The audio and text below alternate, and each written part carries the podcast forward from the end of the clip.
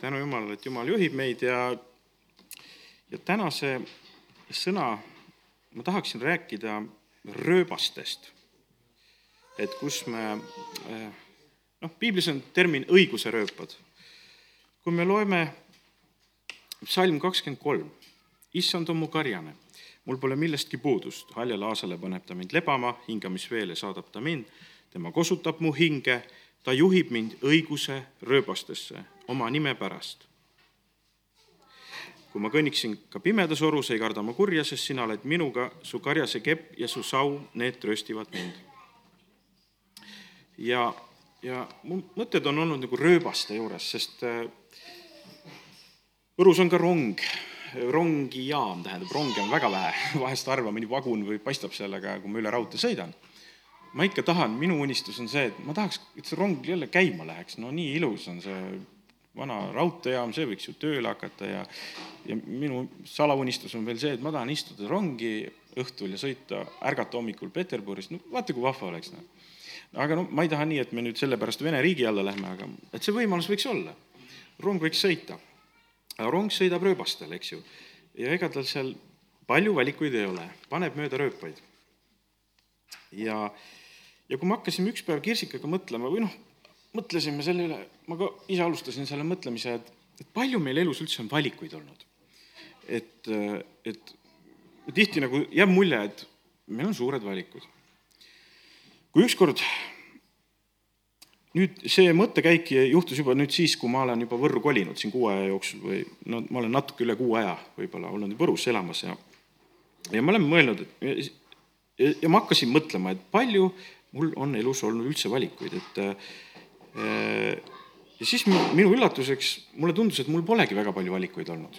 et noh, justkui lähed poodi, palju valikuid on alati poes ja kõik, niisugune tunne, et elu on üks suur valikute võimalus. aga, aga minu üllatuseks nüüd suurematest asjadest väga suur valikut ei ole.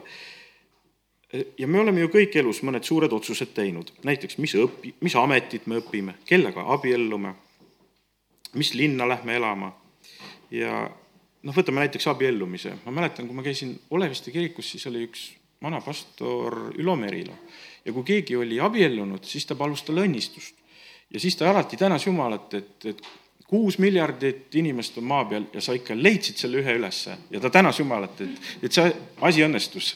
sest no tohutu valik oli ju. ja et andis ikka valida, aga no lõpuks ikka noh, see suur ülesanne sai tehtud no mõtled ise, kuus miljardit inimest, mu klassivend muideks äh, leidis tõesti endale abikaasa nüüd alles sealt kuskilt idamaalt, no sealt, ma ei tea, kas see oli Malaisia või kuskilt, noh, ta leidis ühe kena, kena nooriku endale sealt. no tõesti, vot temal oli tööd, nagu Merilo ütles, et, et pidi otsima. ma jäin mõtlema, et ta müüs Hiina kaupa ta tegeles Hiina kauba vahendamisega Eestisse ja näed, vahendas ühe naise ka endale sealt et sujuvalt juba sai selle ka sealt. et, et, et head kaupa tuleb ikka Hiinast jah, aga ei, mul on suur rõõm, et mu klassivend sai endale kena kaasa ja küll ta ikka rõõmsalt postitab, et kallis on see, keda saab ainult ümber kinni hoida, et see on kallis. nii et jumal õnnistagu ka teda aga äh, meil elus tundub, et meil on palju valikuid. Ja äh, et kellega abiellume või ja aga kui ma olin ka laulatatud ja oli pulmad peetud, siis ma olin siin Võrumaal, siis ma elasin siin. ja siis, ega mul siis, mis valikud olid, mul oli võimalus minna Tallinna elama, sest Kirsika juba õppis seal ülikoolis ja me otsustasime, et olgu peale, et ega siin lähme Tallinna ja naisel oli kool poli, pooleli ja seetõttu tuli ka selline valik. minul ei olnud mingit kooli pooleli, ma olin just lõpetanud kooli ja mul oli hea vaba hetk, et kuskile minna. elasime Tallinnas kusagile viis aastat, õppisime, toimetasime seal, ma töötasin seal, Kirsika õppis seal rohkem, ka pärast töötas ja korraga tuli pakkumine, et minna Viljandi. Nonii, tuli võimalus, et saame endale seal isegi kodu hankida ja ja oli igatepidi tugi olemas, et see, et see asi ära teha. oli ka kogudusepoolne tugi, Viljandi kogudusepoolne tugi, et, et, et kutsuda, noh, nad kutsusidki meid nagu muusikatööle appi ja ja oli igatepidi selline tugi, et minna, oli üks valik, konkreetne valik. ja nüüd aga tegelikult see oli ainult üks valik. et ega mul ei olnud seal nagu väga palju valikut, et, et nii kui ma hakkasin Viljandi minema, et, et, et, et siis korraga äh, et mul oli nagu Pärnusse ka üks pakkumine, mul oli veel Haapsalusse üks pakkumine, siis oli Narvas kindlasti üks pakkumine samal ajal ja siis jah, samas oleks võinud ka Soome, Rootsi või Norra minna ka, samal ajal oli seal häid pak-, ei olnud neid pakkumisi, korraga oli üks pakkumine. et kui me hakkame neid valikuid mõtlema, siis ei olnud neid valikuid palju. et ega jumal ei pane neid, neid meile nii palju korraga ette. et ta annab ühe valiku ja ütleb, et kas lähed või ei lähe uks on ees lahti, kas astud sisse või ei astu? ja, ja, ja selles suhtes mul, palju mul seda valikut sel momendil siis oli? kõik jooksis Tallinnas kuidagi sellisesse olukorda, et mõtlesin, et aga, aga tõesti. töötasin seal ühes ettevõttes ja mõtlesin, et aitab küll juba seal, juba olin sinna taandanud ennast poole kohaga seal tööle, sest mulle juba hakkas seal ka hakkasin seal ka juba ära väsima, sest äh, palju oli seal tööd ja ma vaatasin, et tahaks veel mingit ametit juurde või mingit oskust ja hakkasin omal käel veel õppima seal arvutitööd juurde ja olin niimoodi taandanud ennast juba ära seal ja ja ega see, ma ei tea, nagu asjade loomulik käik, et tuli see pakkumine, no lähme, võtsime, astusime. ja, ja tegelikult, äh, mida ma olengi avastanud, et, et neid valikuid tõesti polegi nii palju elus. me nagu paneme mööda rööpaid vahepeal tuleb see hargnemise koht, eks ju, nagu rong sõidab, et vahepeal sõidab tükk aega, kindlalt läheb, siis mõne koha peal on see hargnemise koht nagu, et kus sa saad natukene siis keerata vasakule või paremale. ega me siin maa peal paneme päris kindlaid radu. järgnevalt elasime Viljandis, käisime siis ka koguduses, see oli ka tore kogudus ja just hiljaaegu ma tundsin suurt rõõmu, et äh, nii tore, et Eestimaal on palju palvelaid olnud ja kogudusi, et, et see on nagu võrgustik üle, üle maa, et, et, et ka näed, siin tunnistuseski oli, et palvelas palvetati, kuskil oli üks palvela, kuskil tema piirkonna lähedal oli üks palvela, kus, kus teatakse, Eesti rahvas teab, et kuskil on siin üks palvela, kogu aeg keegi teab kedagi, kes teab kedagi, kes käib palvelas.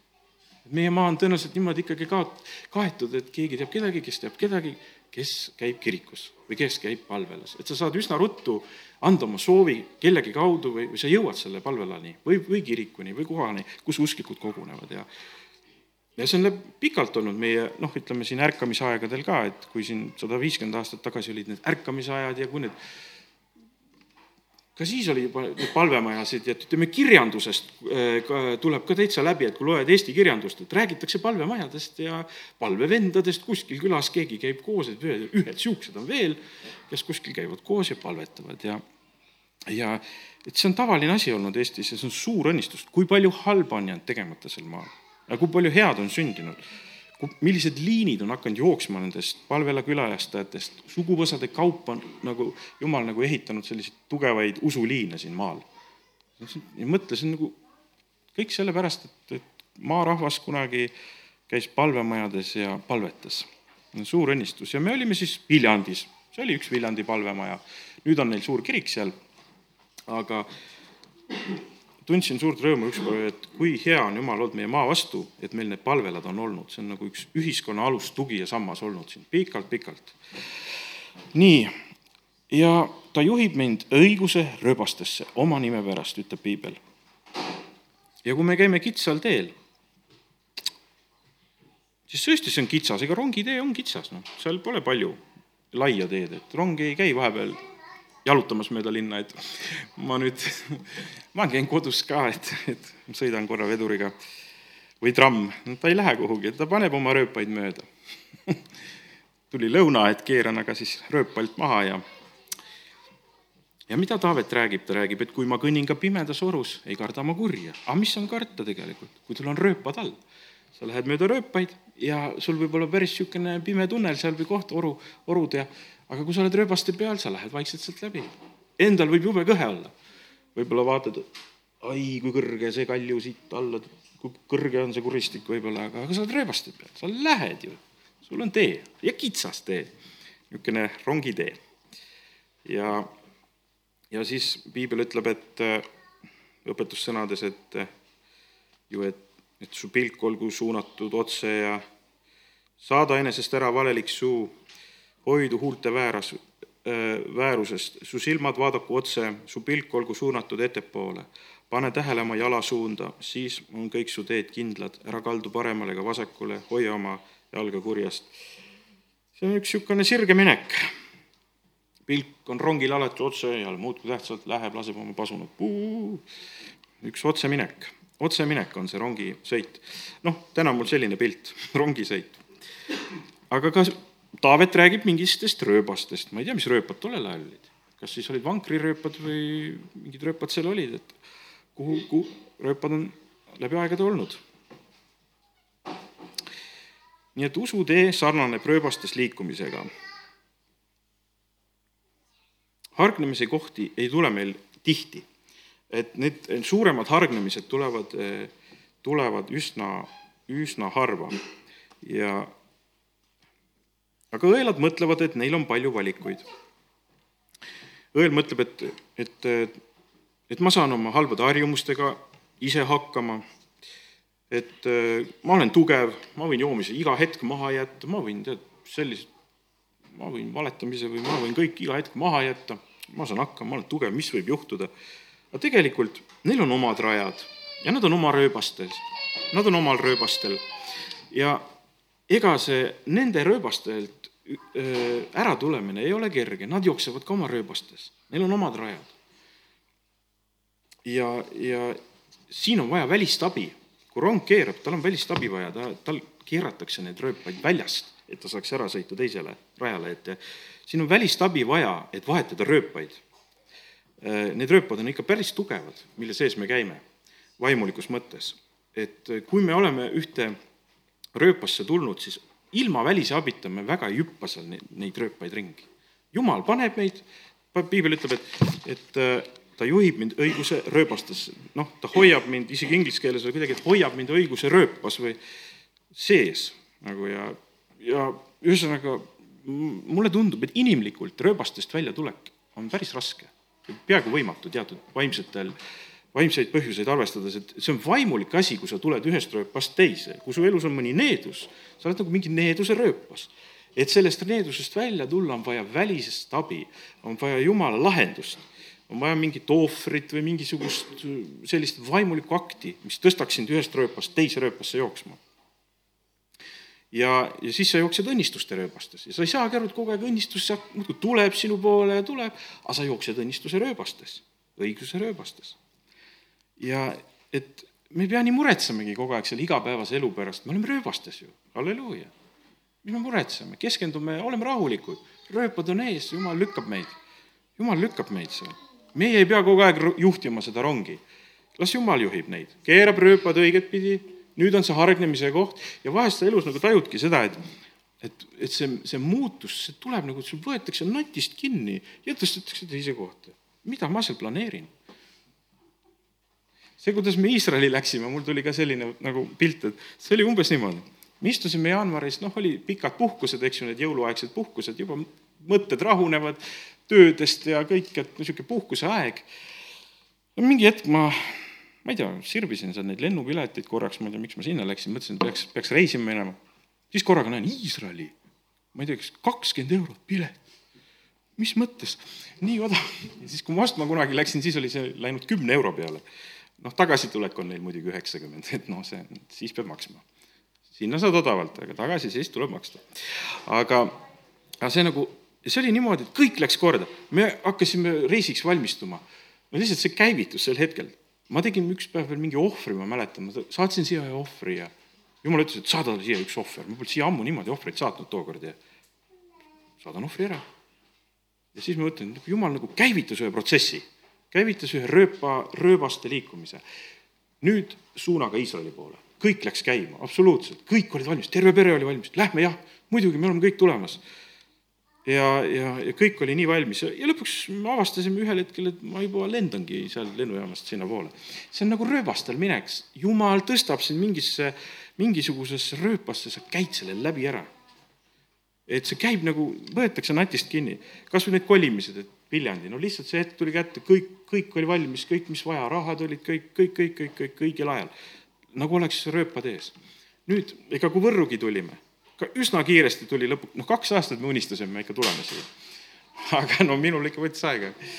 eks me pidime kõik selle mõttega ka harjuma, see on nagu, ega need, ütleme nii, et jah, et rongile anti pikalt ette teada, et kus varsti hargnemine tuleb, aga, aga läks enne, kui hargnemine tuli, oli pikk aeg. aga jah, et eks see sõltub ka meie südamest, millistes rööbastes me jookseme. et kus me süda on valmis ja kus me ei ole. kui süda saab valmis, on jumalal on võimalik tõsta meid ühelt rööpalt teise. ja tundub, et me olime nüüd valmis, me olime valmis tulema ja kõigil oli valmisolek, kõik juba rääkisid, millal me Võrru kolime ja ja pereisana mul oli väga raske juba vastuseid anda, et jälle küsivad, millal me Võrru olime. Ja, aga kui see kätt, kätte jõudis, ema kunagi sai sõna veel, et, et kõik saab valmis, et äh, tulete, ma ei tea, Kooseni maakonda, Võrru ja, ja vankrid pannakse valmis. ta sai sellise pildi, et, et nagu, nagu, nagu Joosep tõi oma isa Egiptusest sinna Kooseni maakonna koos oma perega. ja siis varsti mul nagu tärgatas see mõte, et aga Kooseni maakond, see on ju kose see on ju Võru kõrval, kose ju noh, koosen, noh, kose, noh, et siin palju vahet ei ole ju, eesti keeles kose, noh. nii, et see on ju Võru kõrval, eks ju. ja siis, kui me üks päev siin kortereid sirvisime, kusjuures Võrus oli väga vähe kortereid saada, no ütleme, siin, kui niimoodi üüridagi, väga raske oli, valik oli kitsas. aga noh, nagu ma õpetan praegu, valikut palju ei peagi olema. valik võib väike olla, aga kui see Kose, Kose korter tuli, kõik helises oh,, see on meie korter, tuleb minna nüüd helistame talle, võtame ühendust. no see on nagu rööbastel jooksmine. et sa, sa tead, et nüüd on see, noh, täna oli ka tunnistuses, sa tead kohe täpselt, oh, see on, nüüd tuleb minna, nüüd tuleb kips kaasa võtta, kipsipuhastusvahend kaasa võtta. see on rööbastel jooksmine, eks ju, et see on niisugune, see ei ole niisugune, et ma nüüd planeerisin, mul oli palju valikuid. ei ole palju valikuid meil.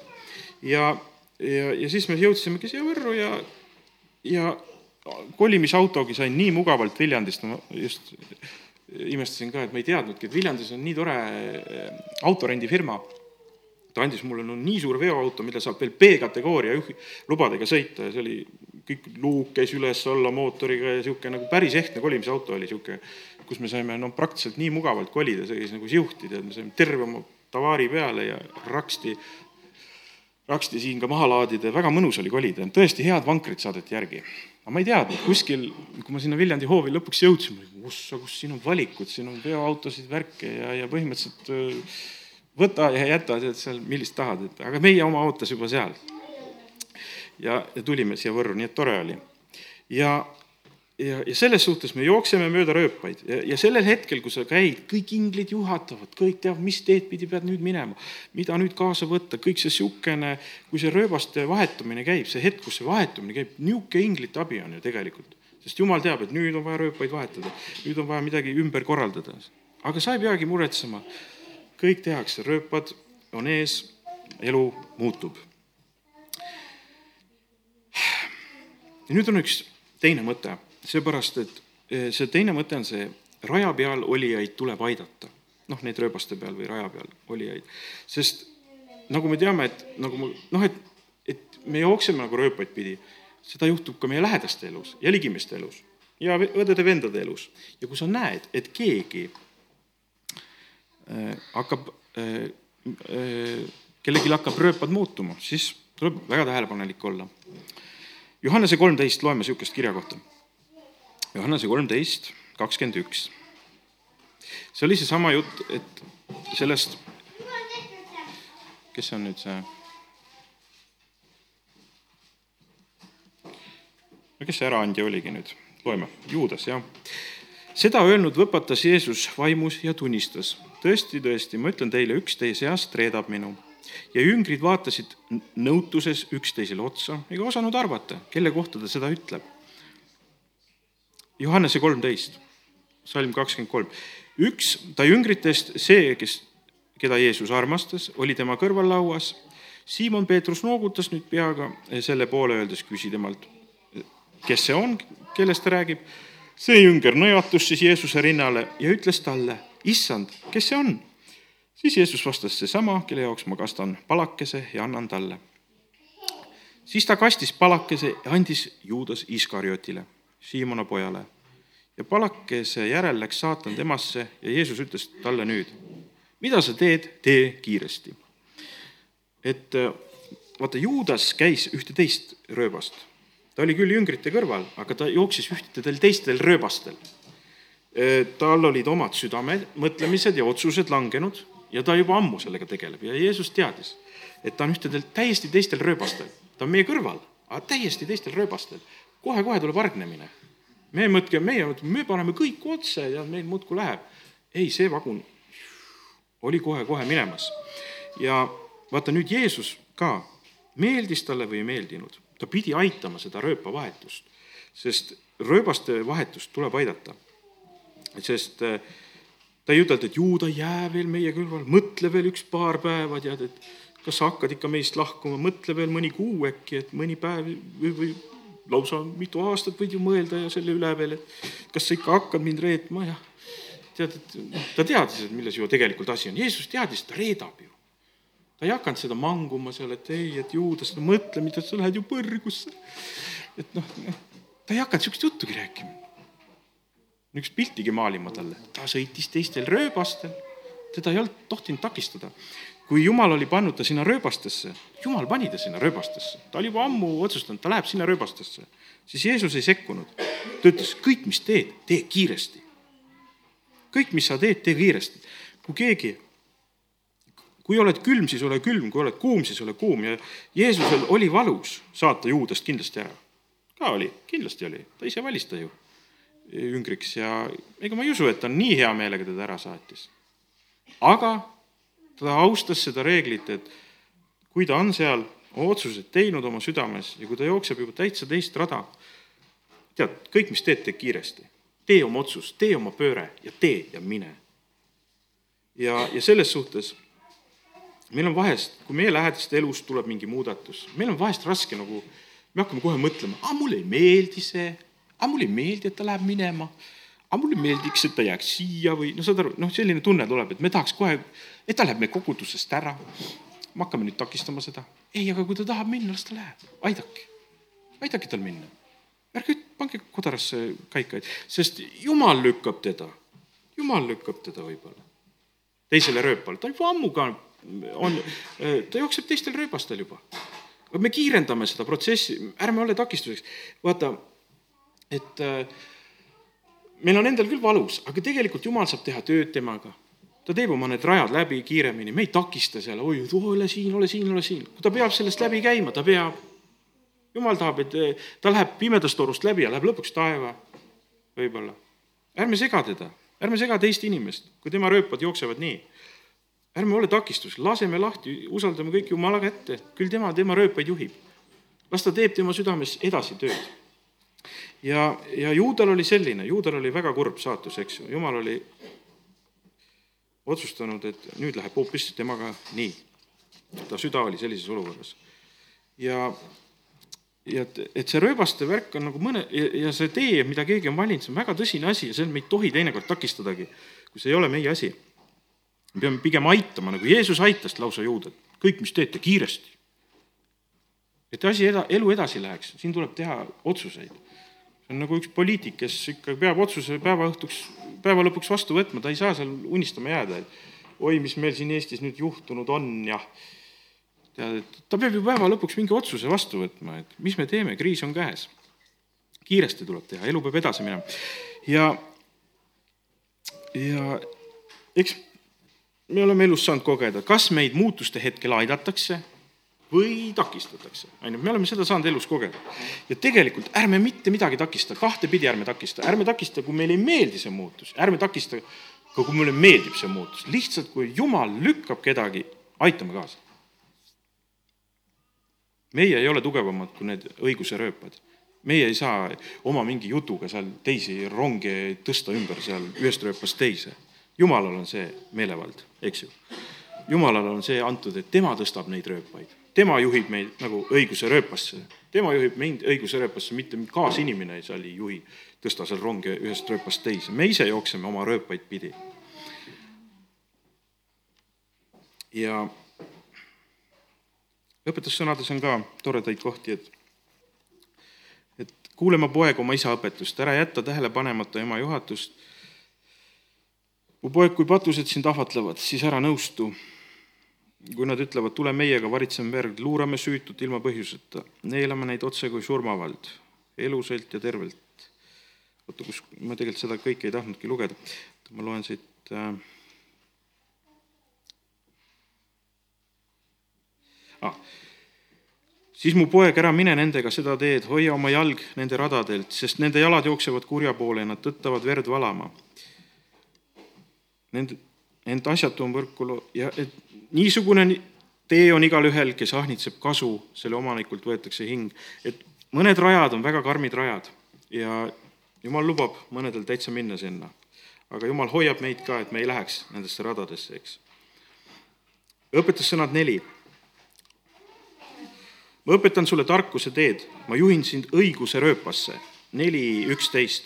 ma õpetan sulle tarkuse teed, ma juhin sind õiguse rööpasse, rööpaisse.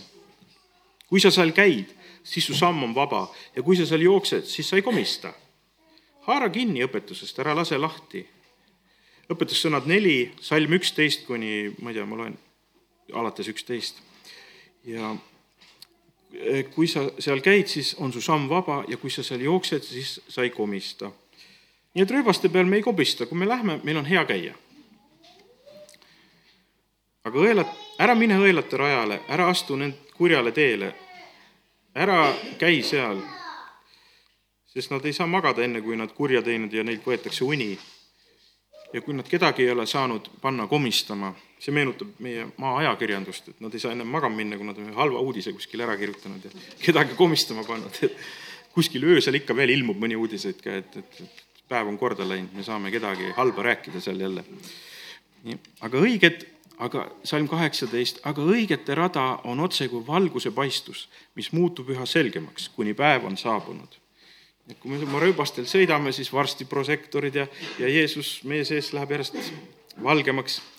Õelate tee on nagu pilkane pimendus, nad ei tea, mille peale nad komistavad. see on üks hirmus tee, üks ämber ämbri ots, killadi-kolladi käib, aga ma, mul on palju valikuvabadusi. Ja siis järgmine lärts, üks ämber jälle jalas. ma saan hakkama, teine ämber. noh, et, et, et õelate tee on üks ämber ämbrisse, killadi-kolladi kõndimine. Nad on kõik kõvad mehed kuskil, aga siis, kui, aga tegelikult see on niisugune pilkane pimedus ja nad muudkui komistuvad, eks ju et piibel räägib nendest eh, teedest, siis rää-, ma räägin niimoodi üldiselt niisuguseid mõtteid veel juurde, et lihtsalt, et eh, juhata poisile ta tee peale, siis ta ei lahku sellest ka vanas eas. nii et meil kui vanematel on juba hea juhatada selle raja peale neid, juba aidata neid rööbastele. vanematel on näed see õigus kuidagi, et see, et aidata neid rööbastele. me ei saa enam vaata ligimest nii väga tõsta ühelt rööpalt teisele lõpuks, jumal peab alati aitama seda. aga juhatada nagu saame, et kus need õiged rööpad on oma, oma lapsi ja see on see hea hetk.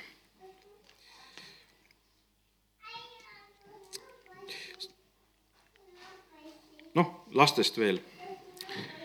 minu arust Saalomoni õpetussõnad on nii ilusti algavad. Saalomoni Taaveti poja, Iisraeli kuninga õpetussõnad tarkuse ja õpetuse tundmaõppimiseks, mõistlike sõnu, sõnade mõistmiseks. et tarkust ja õpetust on vaja tundma õppida, et üldse aru saada, kus kõlab mõistlik jutt. muidu me kuuleme igasugu jutte, on ju, aga kus kõlab mõistlik jutt, selleks on vaja tarkust ja õpetust. on, on Jeesust vaja, et aru saada. ja õpetust. Kus on mõistlik jutt, kus ei ole, et võtta õpetust targaks käitumiseks. sest siis, kui sa juba mõistad, et kus on mõistlik jutt, siis sa proovid juba hakata käituma targalt. õigluseks ja õiguseks hakkad juba õiglaselt ja õigelt käituma ning õigeks eluviisiks. ja kui sa oled juba, näed, harjutanud ilusti käituma õiglaselt ja õige, õigelt ja targalt õpetuse järele, sellest saab eluviis, näed, õigeks eluviisiks.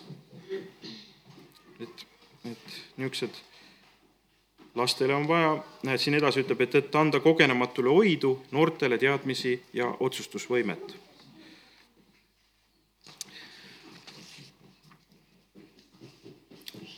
aga nii, aga lähme veel, ma väga pikalt täna ei räägi, aga lähme ühe viimase mõtte juurde, mis ma tahaks rääkida. mis on ka seotud nagu rööbastega. võtame lahti esimese Samueli me võtame kõigepealt lahti esimese ajaraamatu kakskümmend üks peatükk. esimese ajaraamatu kakskümmend üks, kellel on piibel kaasas, et võiks võtta lahti esimese ajaraamatu kahekümne esimese peatüki. ja vaatame, mis meilt sealt vastu vaatab. esimese ajaraamatu kakskümmend üks. mul lehekülge ei ole, aga kes on leidnud ja mis me loeme? salm üks, aga saatan tõusis Iisraeli vastu ja ki-, ja kihutas Taavetit, et ta Iisraeli ära loeks. ja Taavet ütles Joabile ja rahvavürstidele, minge tehke kindlaks Iisraeli arv Beershebast kuni Taanini ja teatage see mulle, et saaksin teada nende arvu. me teame seda lugu, eks? aga nüüd teeme lahti esimese Samueli peatükk kakskümmend neli. väike võrdlusmoment. esimese Samueli kakskümmend neli ja loeme sedasama juttu. esimene samm oli kakskümmend neli. aga issanda viha süttis taas põlema Iisraeli vastu ja ta kihutas Taavetit nende vastu öeldes, mine loe ära Iisrael ja Juuda. oota, kas see on teine sammul või? teine samm oli kakskümmend neli. teeme jah lahti, teine, teine samm oli kakskümmend neli. väga vabandan, mul läinud segamini. teine samm oli kakskümmend neli aga issanda viha süttis taas põlema Iisraeli vastu ja ta kihutas Taavetit nende vastu, öeldes, mine loe ära Iisrael ja Juuda. oota, kas keegi märkas, märkas kahes peatükis erinevust? loeme eelmist. aga saatan tõusis Iisraeli vastu ja kihutas Taavetit, et ta Iisraeli ära loeks. loeme järgmist peatükki. aga issanda viha süttis taas põlema Iisraeli vastu ja ta kihutas Taavetit nende vastu, öeldes, mine loe ära Iisraeli rahvas. no kes siis kihutas? kas saatan või issand? Ma lugesin ja mõtlesin, mis asja, et, et oota, et ma pole nagu, ma ei tea, võib-olla teoloogid teavad seda, nad on uurinud seda piiblit ja Vana Testamenti, nendel on see asi selge, et, et siin on erinevus. aga mina pole teoloog ja ma, ma nagu lugesin seda ja ma hakkasin vaatama, et aga issanda viha süttis taas põlema Iisraeli rahva vastu. mingid rööpad olid, kuhu see rahvas oli läinud. ja mina millepärast kaldun arvama, et see oli issand, kes kihutas, mitte saatan. see polnud saatan saatan ei otsusta neid asju, mis rööbastes me jookseme. issand otsustab ja Iisrael oli mingis teatud rööpas. ta oli mingis rööpas ja jumalalt oli tulnud otsus, seda rahvast tuleb karistada.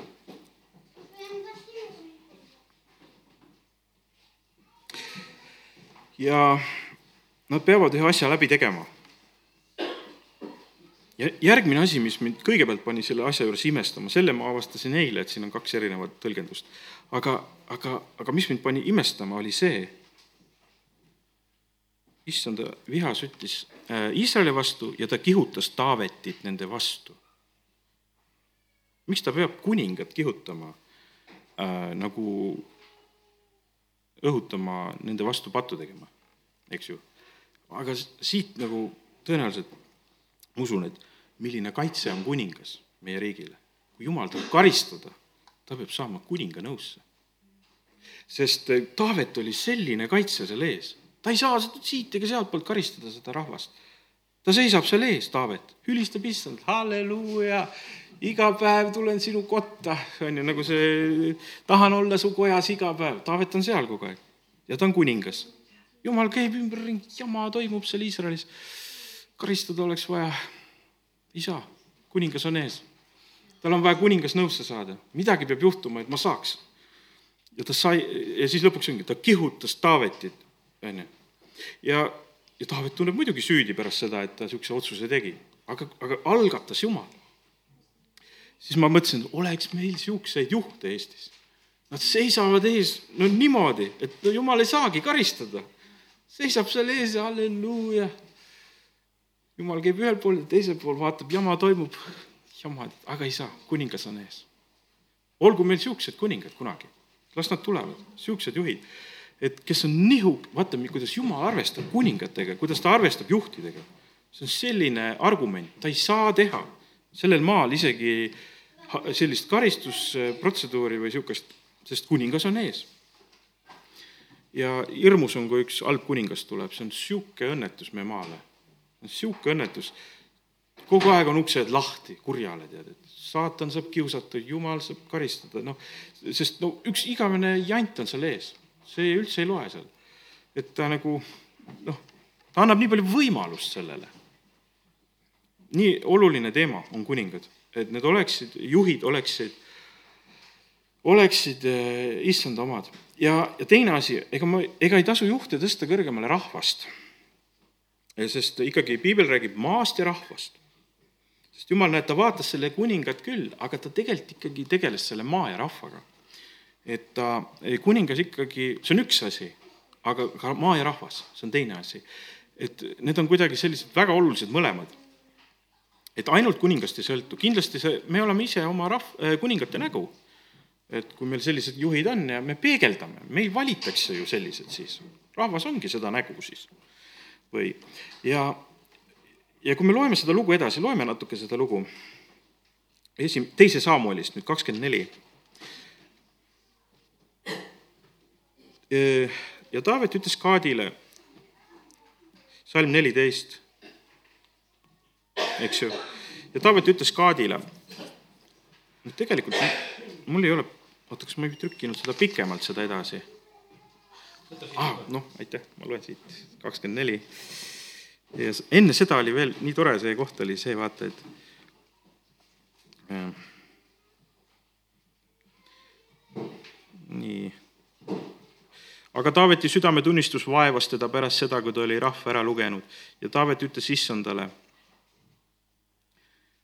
Näed, Taaveti süda ka vaevas, noh, ta oli ju valesti teinud, seda tehes olen ma teinud suure patu, aga, aga nüüd issand, anna siiski andeks oma sulase süü, sest ma tegin väga rumalasti. Aga kui Taavet hommikul tõusis, siis issanda äh, sõnad oli prohvet Kaadile, Taaveti nägijale. Ja mine ja ütle Taavetile nõnda, ütleb issand, ma annan sulle kolm võimalust, vali enesele neist üks, mis ma sinule peaksin tegema. ja Kaat tuli, vaata, kuidas oli ka kuningas, talle anti teada kolm rada, kolm rööbast, vali nende hulgast. kuninga, ta oli sellisel tasemel kuningas, temaga sai arutada, vali rööpad ka välja millise karistuse sa valid. kas mõne kuningaga üldse annab vali, kas jumal saab mõne kuningaga üldse rääkida niisugusel teemal, et vali karistus rahvale välja või? see käib nagu matakas üle, temaga ei saa võib-olla rääkidagi. ta ei ole võimeline sellel teemal arutama. Taavetiga sai arutada, millise karistuse sa valid nagu, et noh, olen ikka kuningas. Millise rööpa me paneme su ette rahvale? aga Kaat tuli Taaveti juurde, kuula- äh,, vali enesele üks neist, mis ma sinuga peaksin tegema. Ja, ja Kaat tuli Taaveti juurde ja kuulas teda ning ütles temale, kas peaks su maale tulema seitsmeks aastaks nälg või kas tahaksid kolm kuud põgeneda oma vaenlaste eest, kes sind taga ajavad, või peaks su maal olema kolm päeva katk, see on hea, niisugune kolm päeva ainult. mõtle nüüd järele ja vaata, eh, mida ma vastan temale, kes mind läkitas. ja Taavet ütles Kaadile, mul on väga kitsas käes, langegem, langegem siis siiski issanda kätte, sest tema halastus on suur, aga inimeste kätte ma ei tahaks langeda. siis saatis issand Iisraeli kat-, katku alates hommikust kuni määratud ajani, see oli nii täpne värk, see oli määratud ajani kõik, see oli, rööbas oli ette pandud. Läheb, läheb, läheb, läheb, läheb, läheb, kõik oli pinna, paika pandud määratud ajani, siis on tehtud. kõik, mida, mida siin üldse nagu oli, et see oli niisugune rööbas, see oli niisugune plaan, mis oli jumalal juba ette pandud, mis tuleb ära teha. katk oli plaanis rahvas suri Taanist kuni Beershebani, seitsekümmend tuhat meest. numbrid olid teada, seitsekümmend tuhat meest peab surema. aga kui ingel sirutas oma käe äh, Jeruusalemma kohale, siis seda hävitada, siis kahetses issand seda kurja ja ütles inglile, kes tegi rahva hulgas hävitustööd. Küllalt, lase nüüd oma käsi alla ja issanda ingel oli siis jebuuslase Aruana rehaluse juures. ma võin piibli tagasi anda nüüd mul on siin juba olemas küll. sest ja kunagi Albert Veksler rääkis, et see on issand ingel, see oli Jeesus. see ei ole mitte issand ingel, vaid, aga me õppisime ka piiblikoolis ju, et, et see on issand ingel, issand ingel ise oli seal lame, lõhkumas, tegemas seda tööd, eks ju. Jeesus ise oli seal kohal. Ja see oli niisugune kindel plaan, mille oli vaja teha. küllalt, lase nüüd oma käsi alla ja issand ingel lasi oma käe all ja puuslase Aruna rehaluse juures ja Taavet kõneles issandaga, nii et Taavet juba kõneles temaga, nähes inglid rahvast maha löövat ja ta ütles, vaata, ma tegin pattu ja mina olen süüdi. aga mida on need lambad teinud? olgu seepärast su käsi minu ja minu koja vastu. nii et Taavet ka nagu mõtleb, et mina olen ju süüdi. Aga see ingel ei ole nagu nõus sellega, et tema süüdi on selles. nagu, et ta väga seda ei rõhutanud ju, et jah, sa oled suur süüdlane nüüd, Taavet. ta ei rõhuta seda. hoopis teine lugu oli, jumalal oli plaanis üks asi ära teha. ta ei süüdistanud seda Taavetit seal. aga kuningas ütles aruannele, ei. ta ütles ei, on ju, see on nagu iisraeli keeles loo loo on ei, loo, vaid ma ostan need tõest-, oi, nüüd ma keerasin, ah nüüd mul läks mul oli suur pikk vahe, ma lugesin liiga. ühesõnaga, mõte oli selles, et issand lõi oma rahvast ja keerame salm kakskümmend neli. vot seal oli see ei, mis mul segamini läks. seal oli see ei, et äh, nüüd hoopis Jumalal oli teine plaan, ta tahtis Jeruusalemma seda templi asukohta osta, eks ju ja selle, ja nüüd oli selline plaan, kuningas üt-, siis kaupleb juba selle rehealuse omanikuga ja kuningas tahab, et, Taavet tahab, et nagu osta seda rehealune, rehealuse omanik seal praegusel templimäel, kus me seal Jeruusalemmas, kes on käinud, on ju, see ongi seesama koht, tahab tasuta anda, aga siis Taavet ütleb, et ei, ma ostan selle ja seal toimus see ohverdamine. ja siis ta ehitas sinna altari issandale ja ohverdas põletuse ja tänuohvreid ja vaata, kui huvitav koht on selles kirjakohas, salm kakskümmend viis. Ja issand kuulis maapalvet ning Iisraelilt võeti nuhtlus. kelle palve seal hoopis mõjus? maapalve oli hoopis. maa ja rahvas oli sellesse segatud. maa ja rahvas tegi pattu ja maarahvas hakkas palvetama. ja mis see kuningas seal oli? ta ütles halleluuja ja tal oli hoopis teised plaanid, tema kiitis templis Jumalat ja kaitses seda oma sellise olekuga. maa ja rahvas tegi palvet, näed, ja pääses ja nuhtlus lõppes. hoopis, keda Jumal karistas, oli maa ja rahvas, Iisraeli rahvas. ja, ja ta ootas, millal see maa ja rahvas palvetama hakkab. millal nad selle asja läbi teevad.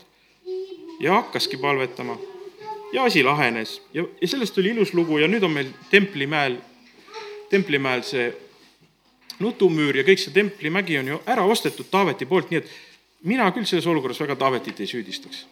issand teda kihutas, et see rööbas tuli läbi teha, et me ei tea, mida teinekord me peame läbi elus tegema või meie lähedased peavad läbi elus tegema. mõtled, et võtab kätte ja läheb välismaale, no kus sa sellega, no las ta läheb, tal on rööpad, jumal lükkab teda, ära takista, aita teda võib-olla. las ta läheb, tal on vaja oma välismaa tiir ära teha, noh. Aita kaasa, jah, ära ole vastu.